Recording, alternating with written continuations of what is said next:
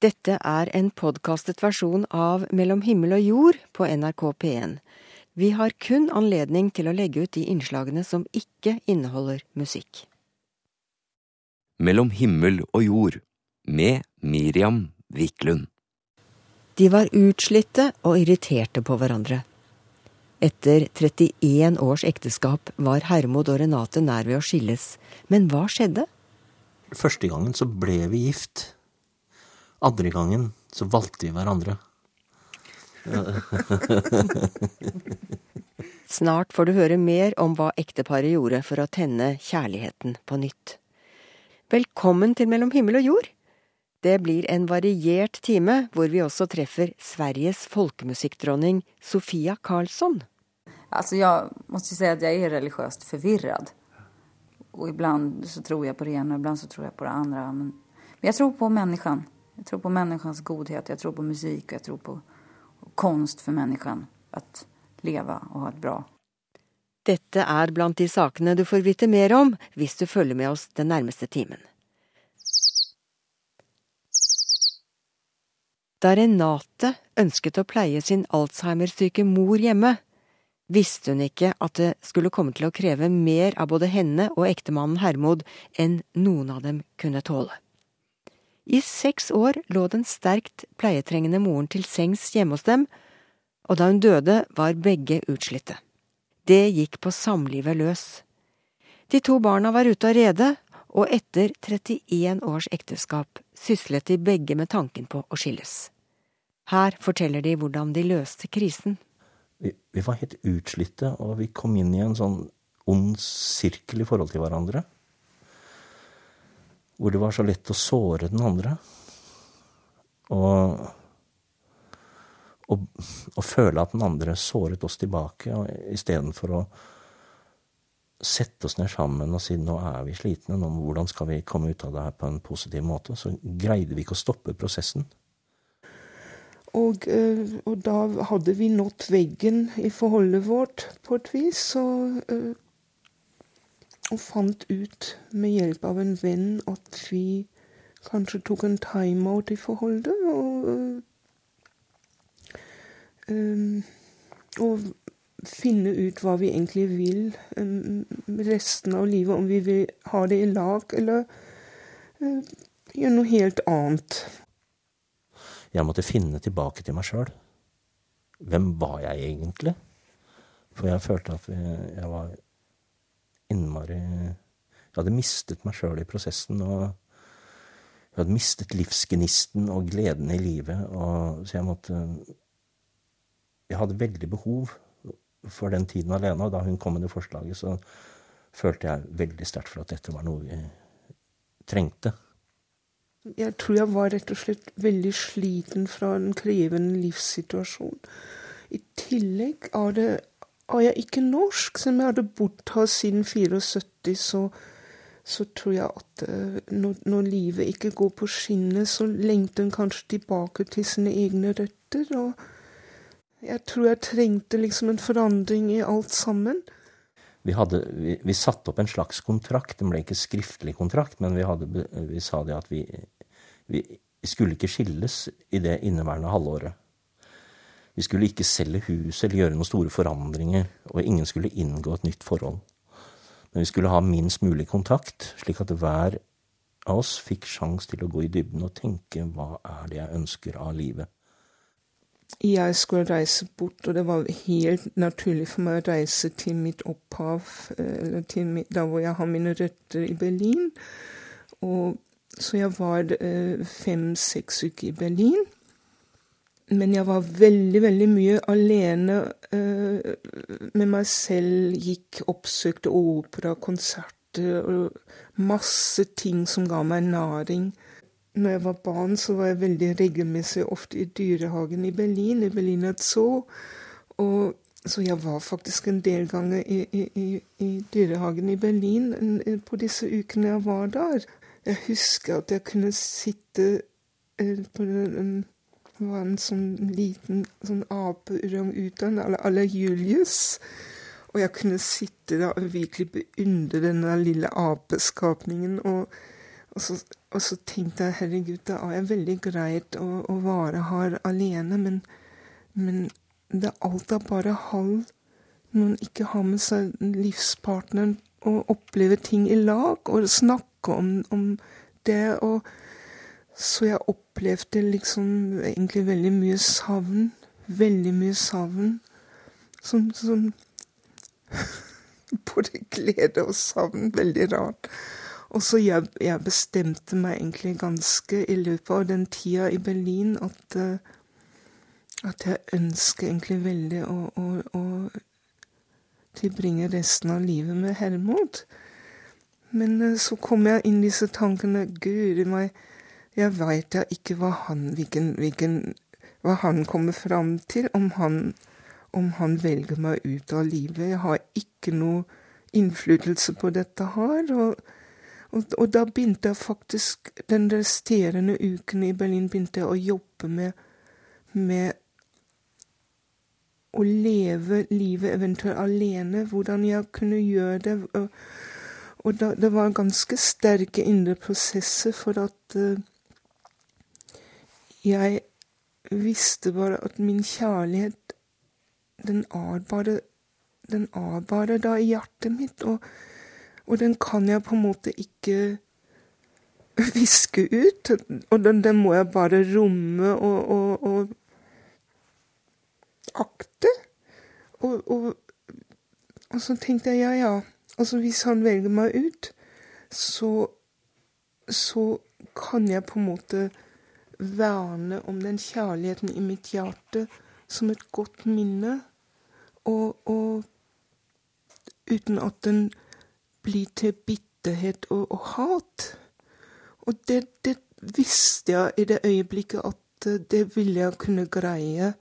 Og da blir det på, på en måte ikke truende lenger. Selv om jeg visste nå har jeg flere måneder foran meg som jeg ikke vet hva han bestemmer, så, så visste jeg hvor jeg var, og, og jeg visste at uavhengig av hva han bestemmer seg for, så ville jeg kunne leve et godt liv videre, alene eller sammen med han. Og det ga meg en slags sånn trygghet og, og en god følelse at egentlig den resterende tida alene, den, den, den var bra. Så når hun kom tilbake, så dro jeg til den uh, pilegrimsvandringsruten i Nord-Spania. For da kunne jeg være alene med meg sjøl og mine egne tanker og bare vandre dag etter dag i å finne ut hvem er jeg egentlig, og hva vil jeg egentlig med resten av livet. Jeg bare gikk og prøvde å tenke Jeg hadde, jeg hadde den eh, boktittelen til Thich Nhat. En bok som kom ut for mange år siden som het 'Hvert skritt er fred'. Og jeg tenkte ikke på innholdet i boken, men jeg tenkte bare på boktittelen. At hvert skritt er, en, er fred, hvert skritt er en bønn. Jeg trengte ikke å gjøre noe mer enn å gå til stede. Eller gå i mitt eget liv og i et eget tempo. Og i den prosessen ikke ha noen for, forventninger om hva som skulle skje, men være åpen for, for det som måtte skje til enhver tid. Og jeg husker at jeg kom halvveis i den prosessen, halvveis på den turen, i en by som het Lyon. Da øh, hadde jeg gått ganske langt dagen i forveien, men så måtte jeg kjøpe en ny ryggsekk. Så jeg satt tidlig og ventet på en, utenfor en, en fortauskafé utenfor en sportsbutikk for å vente på at den skulle åpne så jeg kunne få kjøpt en ny ryggsekk. Og jeg følte meg så ensom. Jeg hadde gått da kanskje to uker eller noe sånt nå, i et fremmed språkmiljø. I en fremmed verden, i en fremmed kultur, i en fremmed eh, si, religiøs sammenheng som for så vidt jeg ikke kunne egentlig finne meg helt til rette i, sånn som jeg så mange andre gjorde, men jeg hadde ikke noe problem med dem sånn sett. Men akkurat da så følte jeg meg så utrolig ensom. Uh, og jeg husker jeg satt med en, en kaffe con leche. En kaffe med melk. og skrev i dagboka mi. Og da følte jeg så sterkt på savnet etter kona mi. For vi har en utrolig godt vennskap. Og hun er vel kanskje den av oss som, som gjør at vi får venner uansett hvor vi kommer. Jeg er ikke sånn. Jeg er mer innadvendt, og hun er mer utadvendt. og så tenkte jeg å, så, godt vi har, så mye godt vi har opplevd sammen. Og så bestemte jeg meg der og da. Jeg vil fortsette livet sammen med henne. Og så holdt dere tett om, om hva dere hadde kommet fram til? Ja, vi holdt tett. Inntil? Inntil Helmut kom hjem fra pilegrimsvandringa. Det var, faktisk Han drakk hjem på bryllupsdagen vår. Så det var, det var kjempesterkt. Han skulle egentlig komme en uke etterpå, men han hadde gått så fort at, at han kom uke, en uke før planlagt. Hvilken dag er det? Det var 6. august. Var du redd? Um, ikke redd, for jeg hadde jobba så mye med den brikken da, å bli alene, at uh, jeg var ikke redd. Men, men, jeg var veldig spent. Det er sånn sommerfugl i magen. Det er ikke sånn, Nesten som et, som et først, sånn first date. Men du da, Herman? Jeg var nok kanskje litt roligere. Jeg tror ikke jeg hadde så veldig mye sommerfugler i magen. For jeg, jeg hadde jo bestemt meg, og jeg ante hva hun hadde bestemt. Jeg, jeg, sånn, ja. ja nei, jeg, jeg, kjenner deg jo såpass, da. At jeg, jeg, visste jo ikke, selvsagt, men jeg hadde jo en viss feeling, da. Ja, men det hadde jeg også, ja. men, men, eh, jeg kunne ikke være sikker på det. Neida, neida. Men etterpå, da? Hvordan ble det? Annerledes? Ja, det ble Det var godt å få den ta den beslutningen ut ifra det mennesket jeg var, og ikke det mennesket vi var sammen. For det er kjempeforskjell, altså. Er det det? Forskjell på det? Ja, fordi at når vi er i et samliv, så flyter vi jo i hop, og vi tar beslutninger i fellesskap, og ingen vet hvem som starter, og hvem som fortsetter, og så, Men når du går der alene, så må, ta, må alle beslutninger tas ut ifra en sjøl, og det er ingen å dele med.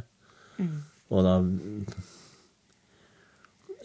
hadde vi en ny, en ny ståsted sammen, syns jeg. Det var på en måte en, virkelig en fornyelsesprosess å være seks måneder med seg selv og virkelig klarne opp og rydde opp og, og finne ut og, og Først, Første gangen så ble vi gift. Andre gangen så valgte vi hverandre.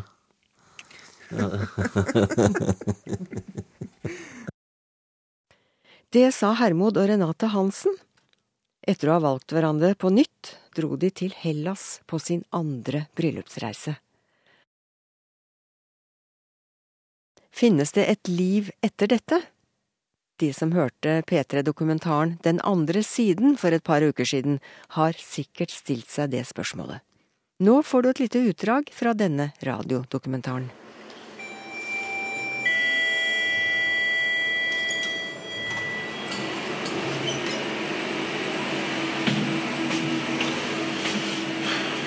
Ganske så nærme himmelen, i 23. etasje på Postgirobygget i Oslo, så skal vi møte en som faktisk har vært i himmelen. Eller han har i hvert fall vært død. Hei, Kristian. Olaf Thommessen er tidligere venstrepolitiker og jobber nå som rådgiver. Det er lite som tyder på at den høye, mørke mannen som nå står foran meg, en gang har vært stein død? Um, altså um, En septemberdag i 2005, uh, eh, rett etter valgkampen etter stortingsvalget, så var jeg ute på en løpetur. Da uh, var jeg kommet et lite stykke inne i skogen, og så eksploderte hodet mitt i et kongerike av smerte. Jeg skjønte at um, dette var alvorlig, og jeg skjønte at hvis jeg ikke kom meg ut av skogen, så ble jeg liggende i skogen. Olaf hadde fått et alvorlig hjerneslag. Jeg klarte å komme meg ut. Eh, jeg ble møtt av en eh, mann som tilfeldigvis hadde kommet opp på parkeringsplassen der jeg sto, eh, og han kjørte meg til ambulanse, eller kjørte meg for å møte ambulansen.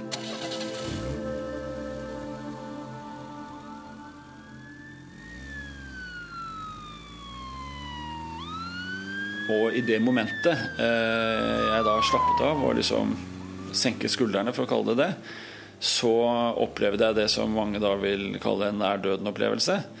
Um, hvor da min mor, som hadde vært død i nesten ti år på det tidspunktet, kom og hentet meg. Min mor kom til meg i en eller annen um, fysisk figur som var annerledes enn den hun egentlig var. Uh, men ansiktet var veldig tydelig. Uh, hun var ganske svevende. Uh, men hun var Jeg mener å huske at hun av alle ting var rosa. det var hun sjelden, kan jeg si, i levende livet. Så hun kom i hvert fall nærmest flyvende til meg. Som en engel, liksom? Nei, det var jo ikke noen englevinger. Det var ikke liksom Det, det har jeg aldri tenkt over. Kanskje du har rett. Kanskje det var det det egentlig var. Det tør jeg ikke si. Men det var altså en flyvende figur. Men hennes skikkelse var veldig tydelig. Og rent fysisk så opplevde jeg at mor og jeg da fløy over mine yndlingssteder i Nordmarka. Eh, og rett over det som er mitt yndlingssted, som heter Frønsvollen i Nordmarka, så opplevde jeg at jeg fikk et valg om å enten følge henne inn i det som jeg da kan tolke til det hinsidige. Man, inn, inn, i himmelen? Ja, eller i hvert fall et hinsidig sted. Altså et annet sted. Eh, på den andre siden, kall det hva du vil. Uavhengig av religion, liksom. Um, eh, og det manifesterte seg egentlig bare som et skylag. Altså, det var ikke det du har lest om som en tunnel og lys. og sånn Det var liksom at jeg kunne følge henne inn på en annen, en annen dimensjon. Familien til Olaf fikk beskjed om å komme og ta farvel. Og da svevde jeg så vidt jeg har forstått, mellom liv og død. Og jeg har også en opplevelse av det, uh, hvor jeg husker at jeg flørtet med å forlate denne dimensjonen, da, for å kalle det, eller denne, dette livet eller denne jorden. Uh, hvor jeg fløy utover uh, langs hele horisonten helt til det buttet. Og så tenkte jeg nei, og så fløy jeg tilbake igjen. Liksom, uh, og, det, og, det, I journalen så fremkommer dette med ulike hjertefrekvenser og sånn. Uten at jeg kan tidfeste det ene eller det andre. Og, og det, det viktige med den opplevelsen var egentlig at da jeg våknet For jeg lå, jeg lå da i koma i åtte uker etterpå. Og da jeg våknet til meg selv igjen, så var min vurdering at jeg hadde fått et valg og tatt et valg. Slik at det var ingen, ikke noe spørsmål for meg om å ikke komme tilbake til det livet jeg ønsket å leve igjen. Så du tror at du valgte, rett og slett, tror, å leve videre? Jeg tror at jeg valgte å leve. Har du, har du noen gang snakka om noen som har hatt lignende opplevelser? Jeg har snakket med mange. og jeg opplever at det er jo mange som har hatt det. Det typiske forløpet er at man plutselig oppdager, ser seg selv utenifra, ovenifra. Kommer man enda dypere, så kommer man til et landskap. Og der kan man møte avdøde slektninger. Det kan være et vakkert landskap. Jon Mannsåker har i over 30 år fulgt med i vitenskapelig forskning omkring slike nær døden-opplevelser. En nær døden-opplevelse er en opplevelse som man har når man er kritisk nær døden. Enten på operasjonsbordet eller trafikkulykke eller andre situasjoner. Hvor man opplever å være nesten død. Ifølge Mannsåker viser undersøkelser at mellom 8 og 15% av de som har vært kritisk nær døden, f.eks. ved hjertestans, har hatt en slik opplevelse, med ganske like fellestrekk. Det er forskjellige teorier om hva det kan skyldes. Noen sier at det er en, man konstruerer en opplevelse når man er kritisk nær døden, for å demme opp for det at man holder på å dø. Så det er en innbilning. Det store flertallet etter en opplevelse mister enhver frykt for døden og tror på et liv etter døden. Så de tror det var en nærkontakt med døden. Også ateister. Samtidig så blir de mindre religiøse i den forstand at det blir mindre viktig å delta i religiøse organisasjoner, mindre viktig å gå i kirken. Men de lever mer åndelig. Det er viktigere for dem. Men jeg tror du det er fordi at da, da, trenger de liksom ikke å, Da vet de at det er et liv etter døden. Så da trenger de liksom ikke å jobbe for å komme, komme dit. Det er det de sier, at det er ikke nødvendig med gudstjeneste. De har hatt den kontakten. Det gjelder bare å leve riktig. Man har gjort studier med folk som har hatt hjertestans. Og når man ikke får blod og oksygen til hjernen, så vet man at det blir hjernestans. Og de blir eh, lagt til overvåkning med EEG. Og mens de har hatt helt flatt signal fra EEG, altså en elektrisk død hjerne, så har de fortsatt hatt disse nær døden-opplevelsene. Det har man kunnet sjekke timingen på opplevelsen i forhold til det eh, medisinske forløpet. Betyr dette at det faktisk finnes noe der på den andre siden? Selv om det ikke er, kan si noe sånn 100% vitenskapelig sikkert om hva dette er, så som jeg sa, min uh, for, arbeidshypotese som ble, Min dagens forståelse er at dette er en, uh, tyder på en realitet. Og vi har ikke noe å frykte, egentlig. Det sa Jon Mansåker, som altså har fulgt med på nær døden-forskningen de siste 30 årene og dette var et utdrag fra P3-dokumentaren Den andre siden, som er laget av Christian Ingebretsen. Nå etter Dagsnytt klokka 11 får vi overføring fra innvielsen av Nordlyskatedralen, som etter flere års bygging endelig står ferdig i Alta sentrum. Det er blitt et helt spesielt bygg, som spås å bli hellig både for menigheten og byen. Både kronprinsesse Mette-Marit og biskopen blir til stede under vigslingen i dag. Ja, det er klart jeg er spent. Det, det er jo 40 eh, års eh, arbeidsinnsats som eh, nå blir realisert. Nils Toft er en av ildsjelene som har stått på for en ny kirke. 86-åringen fra Vestlandet kom til Alta som lærer på 50-tallet. Da hadde stedet så vidt reist seg fra ruinene etter krigen. Allerede da var det trangt om plassen i kirka som sto igjen. Ja, jeg, jeg kom jo fra et kristent miljø på Vestlandet. Og, og fortsatte jo det her med ungdomsarbeid. Og så jo det at eh, man hadde ikke lokaliteter til å drive et, et skikkelig ungdoms- og barnearbeid her. For han er det en drøm som går i oppfyllelse og se den nye kirka endelig stå ferdig. Det var jo mange ganger, mange møter vi hadde underveis nå de siste 13 åra, der vi eh, hadde vanskelig for å opprettholde håpet, for vi fikk eh, stadig negative eh, vedtak i kommunestyret. Det runde bygget slynger seg oppover mot himmelen, som et nordlys eller tro som strekker seg etter noe høyere. Byggeleder Knut Krane i hjelm og gul vest har fått være med å bygge noe helt spesielt. Det er vel først og fremst beliggenhet og form. Og det høyreiste tårnet og med titankledninger på yttersida. Samt at det ligger i enden av gågata og ganske fri park, eller kommende park rundt, som gjør det. Og så har du da fjellene og Halde i bakgrunnen, som gjør at det blir eh, nokså spesielt. På det nye kontoret til sogneprest Anne Skoglund ligger det bøker utover hele gulvet, klar til å stables inn i den nye bokhylla. Hun er spent foran gudstjenesten søndag, som hun skal lede med biskopen. Jeg tenker dette kommer til å bli en veldig følelsesmessig sterk gudstjeneste. Eh, dette har vi jobba for lenge. Dette har vi drømt om, og endelig så eh, Søndagen er jo på en måte den dagen dette bygget blir ei kirke. Hun tror på en ny tidsregning for menigheten. De andre kirkene er jo stengt på dagtid. Denne kirka her skal være åpen.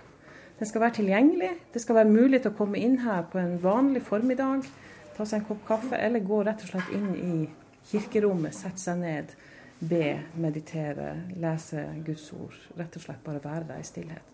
Nordlyskatedralen blir hellig også for reiselivet. Henriette Bismo Eilertsen selger Alta som destinasjon for cruiseturisme. Hun forteller at turistene allerede i flere år har lurt på hvor den spesielle kirka er å finne. Ja, vi har jo hatt turistinformasjon tidligere, og da kom det folk med bilder fra kirka som de hadde lest i magasinet. Og når den var av is og snø i Alta, så var det tatt bilder, og folk kom og ville se den spesielle nordlyskirka. Eh, og fordi at den har vært mye omtalt, så folk som kan om arkitektur og sånn, har lest om den før. Så, så, det er mange som har spurt om den før den sto ferdig. Så det, vi gleder oss å kunne vise dem det når de kommer. Når Nils Toft får høre Herrens ord i den nye kirka søndag, kan han legge 40 år med nedturer og oppturer bak seg. Jeg har eh, vært interessert i at den, denne saken må vi greie å få realisere før at jeg ja, skal ende mine dager. Det var Robin Mortens som rapporterte fra Alta, og som sagt, om få minutter kan du bli med på innvielsen av byens nye stolthet, Nordlyskatedralen. Etter Dagsnytt overfører vi nemlig gudstjenesten derfra. Da gjenstår det bare å takke for nå. Jeg heter Miriam Wiklund og minner om e-postadressen hvis du har lyst til å gi oss et lite livstegn. Det er vi alltid takknemlige for. Himmel og jord, krøllalfa, nrk.no. Og postadressen er som alltid Mellom himmel og jord, NRK 7005 Trondheim. Mange har etterlyst Mellom himmel og jord på podkast i det siste. Vi legger nå ut deler av det, det vil si de innslagene som er uten musikk. Gå inn på nrk.no podkast, så finner du oss der. Ha det fint.